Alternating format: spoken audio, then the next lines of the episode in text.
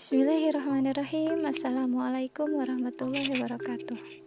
Berjumpa kembali dengan saya Santi Hermawati Atau bisa juga dipanggil dengan sebutan Umu Zulfaqih Hanif Pada kesempatan kali ini Saya ingin bercerita mengenai Berdamai dengan luka di masa lalu. Sejatinya Setiap manusia ingin berbuat lebih baik dalam hidup, selalu lebih baik lagi pada setiap episode kehidupannya. Namun, terkadang kita tidak tahu bagaimana caranya menuju ke sana, dan dengan semakin bertambahnya usia pun, sejatinya diri kita ingin menjalani kehidupan yang lebih bahagia serta lebih dipenuhi dengan kedamaian. Untuk berdamai dengan masa lalu, kita harus sengaja melakukannya. Kita harus memiliki niat untuk melepaskan kemarahan, melepaskan penyesalan, memotong hal yang tidak bisa kita lepaskan, dan menerima bahwa tidak semua yang kita lalui, tidak semua hubungan yang gagal, atau tidak semua orang-orang yang menolak kita akan datang dan bersikap seperti yang kita inginkan.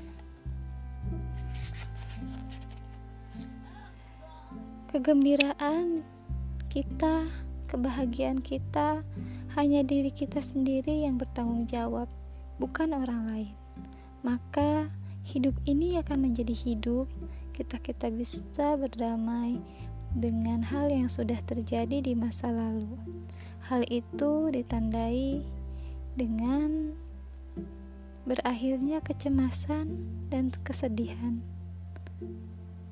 dan kita bisa berdamai dengannya. Sebagian besar rasa sakit, kecemasan, atau kesedihan hidup kita ternyata berasal dari masa kecil kita atau tahun-tahun awal di masa muda kita saat diri kita tidak tidak bisa mengendalikan nasib kita sendiri. Ketika kita tidak bisa membuat pilihan sendiri ketika kita berada di bawah cinta serta perlindungan keluarga, perlindungan dari komunitas dan semua orang yang kita temui sepanjang hidup kita. Sayangnya, banyak dari kita yang terluka oleh orang-orang yang seharusnya mencintai kita, mendukung kita, mengangkat serta memelihara diri kita, dan itu masih menghantui kita. Tidak peduli berapa banyak derajat yang kita miliki, atau hal-hal yang telah kita kumpulkan. Kita masih anak kecil atau dewasa muda yang bertanya-tanya, "Kenapa ini terjadi pada saya?" Dan kita telah menanggung rasa sakit itu, rasa bersalah itu, rasa malu dan penyesalan selama beberapa tahun, beberapa masa yang cukup panjang. Rasa sakit di masa lalu ibarat bola dunia, maka janganlah memikul bola dunia itu di atas kepala kita.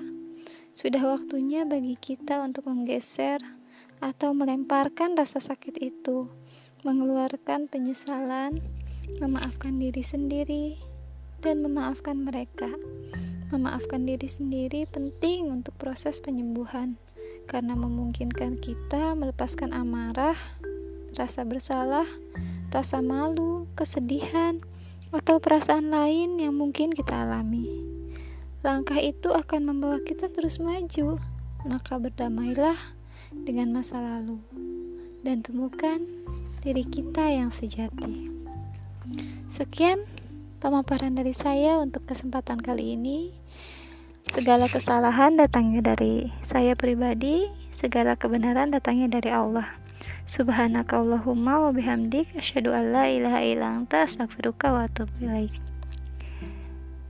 Wassalamualaikum warahmatullahi wabarakatuh.